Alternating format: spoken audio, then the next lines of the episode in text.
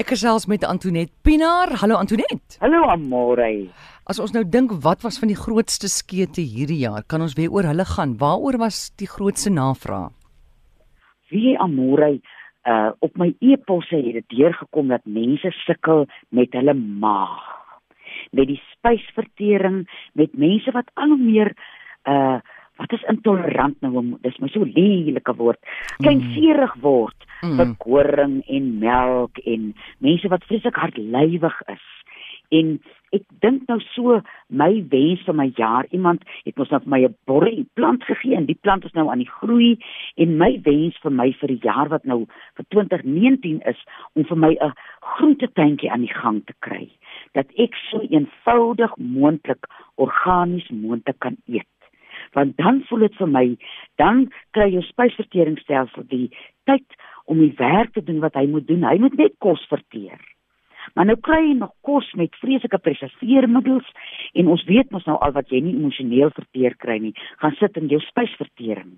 En daar's so 'n groot hooi met hoop op almal se virke van wat almal sukkel om te verteer dat dit twee bymekaar maak dat mense se maag na niks kos wil hê En ek dink as 'n mens nou begin op 'n op 'n langtermyn ding begin so eenvoudig moontlik sonder enige sous, sonder enige goed wat jy jou vleis in wat is hierdie goed wat mense so oor die braaivleis gooi, so ja. rooi en snaakse souse. Mm. Kom van al dit af weg en eet so eenvoudig moontlik en vind uit wat vir jou werk. Dit is my so wonderlik as mense so op hol gaan, is eintlik nie wonderlik jy dis skrikwekkend dan bend ding almal in. Dan sê almal weer, "O nee, nou moet jy net pampoenpatty eet in. O, nou moet jy tog net die aardappels eet nie." Bly weg van daai gedreuis af. Vind uit wat vir jou werk. En in die vakansietyd wat jy nou het, gaan word iewers stil en verteer sagmoedig en nederig en met tyd die dinge wat jou met jou in die jaar gebeur het. Kom ons kyk 'n bietjie hoe werk daai daai verteer storie emosioneel. Een van die goed wat vir my help is as ek skryf daagliks. Das sê dit werk vir my ook. Want ek wil nie noodwendig dit vir iemand sê nie. Ek is nogal privaat. Ek sit liewer stil en as ek 'n rukkie gesit het, dan moet dit mos nou uit. So as jy nou nie iemand het of so is dat jy iemand wil hê nie, vat 'n potlood. Moenie gaan dit bly op jou skerm nie. Mm. Vat 'n potlood of kry vir jou 'n fantastiese pen en 'n boek vind uit op jou of op lyne wil skryf en op jou of jy op 'n skoon bladsy wil skryf en praat met jouself. Die slim mense vind nou uit wat so wonderlike koneksies gebeur daar spiritueel en fisies as die hand iets opneem en die woorde uit die die letters wat jy vorm en die syfers wat jy vorm. Dit het 'n wonderlike uitwerking op jou emosioneel en fisies. So vat 'n pen en skryf jouself rustig uit. En as jy nou regtig wil weet wat aangaan in jou lewe en hoekom dit aangaan soos wat dit aangaan, dan kyk of jy jou droom kan neerskryf. As jy soggens wakker word, onmiddellik voordat jy enige iets anders doen, skryf daai droom neer. Jy kan nie glo hoe gesofistikeerd ons drome eintlik is nie en die boodskappe wat ons daar kry. Die waarheid is ons gees wat nou in die aand ons lei om dinge vir ons te laat sien op 'n sagte manier.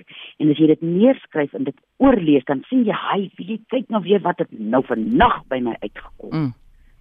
En as jy skaam voel om te skryf, vir iemand nou vir my die uh, eerste keer sê, daar so 'n ding, 'n mens kan jou morning page skryf. Jy loop sit en jy skryf mm. enige ding wat by jou opkom. Dit ek seker 12 bladsye geskryf van sou en sou het nou gesê ek moet hier sit en skryf. Ek voel so ou voel. Wat moet ek nou blerry wil skryf? Ja. En toe begin ek dan sê maar hoekom is ek so kwaad oor ek moet skryf? OK, wat gaan ek nou skryf? O, maar die lig lyk mooi. Haai, ek is so bly ek het nou tyd om die blou lig neer te skryf en daar begin ek toe nou skryf. So moenie huiwerig wees om skaam te wees om te skryf nie. Skryf jouself met deernis uit mm, mm. die dinge waaroor jy gewonder het die jaar. Tessa van Wyk, die traumatoloog sê altyd dat deur te skryf gee jy struktuur aan jou pyn of enige emosie wat jy nie verstaan nie. Nog 'n ding ook, as jy uh, sit met 'n moeilike emosie, jy jy slaan nou die spyker op die kop, want nou raak hierdie ding wat jy dink, jy raak 'n getuie van jou gedagtes. Jou gedagtes is nou op papier, so jy kan dit lees en as jy nou sommer net skryf regtig wat jy voel, dan kom jy by 'n plek af wat dink jy, "Hy glo ek dit." Nee man, ek glo mos dit dit is 'n ou gedagte wat ek nie meer nodig het nie. En so kan jy groei deur jou woorde neer te pen. En as jy alles luister wat ons nou praat, gaan jy geen meer maagprobleme hê in 2019 nie. Dis die waarheid. Aan jou spysvertering een van die beste kwaliteit wees van 2019. Om gou vinnig terug te kom na eet. Ek dink jy het ook eendag gesê dat jy moet niks eet waar daar 'n etiket is wat jy nou moet lees. Wat is alles in hierdie blikkie of pakkie nie? Die oomblik as jy 'n blikkie of 'n pakkie oopmaak, mm. en die ding is jy jy's nie oormôre daarvan siek nie. Oor 7 jaar begin jy mm. dik. Mm of oor 'n tydjie dan dan dan ewe skielik kan jy nou nie meer koring gebruik nie. Dit bou op en dit bou op dat jou liggaam so geïrriteerd raak. Om dit kortliks op te som as mens so vinnig moet kyk na eerlike kosse, sou ek sê vrugte, groente bly weg van preserveermiddels. Ja. Eet proteïene en maak en maak dit jou werk om uit te vind waar die vleis vandaan kom wat wat jy koop. Van die hoender tot die vark tot die skaap tot die bees. Daar is mense wat diere uit die veld uit verkoop. Hulle noem dit organies en dis allerlei ander dinge, maar ons kan nie die arme hoenders wat daar opgestapel sit en groeihormone inkry. Ons kan nie die goed eet nie. Daar is markte waar mense nou spesialiseer in die Kaap, in Pretoria, oral. Gaan maak jou moeite om goeie vleis in die hande te kry wat nie vol hormone of antibiotikas of goed is nie. In 'n plaas daarvan om nou navorsing te doen oor skoene wat jou R4800 gaan kos. Doen jou navorsing oor die goeie vleis wat jy gaan eet van 'n dier wat gelukkig is terwyl was terwyl hy gelewe het. Antoinette, so jy sien nou beskikbaar op jou e-pos nie, né? Nee, Prinses Goue Stroop is nou op vakansie tot die 15de Januarie.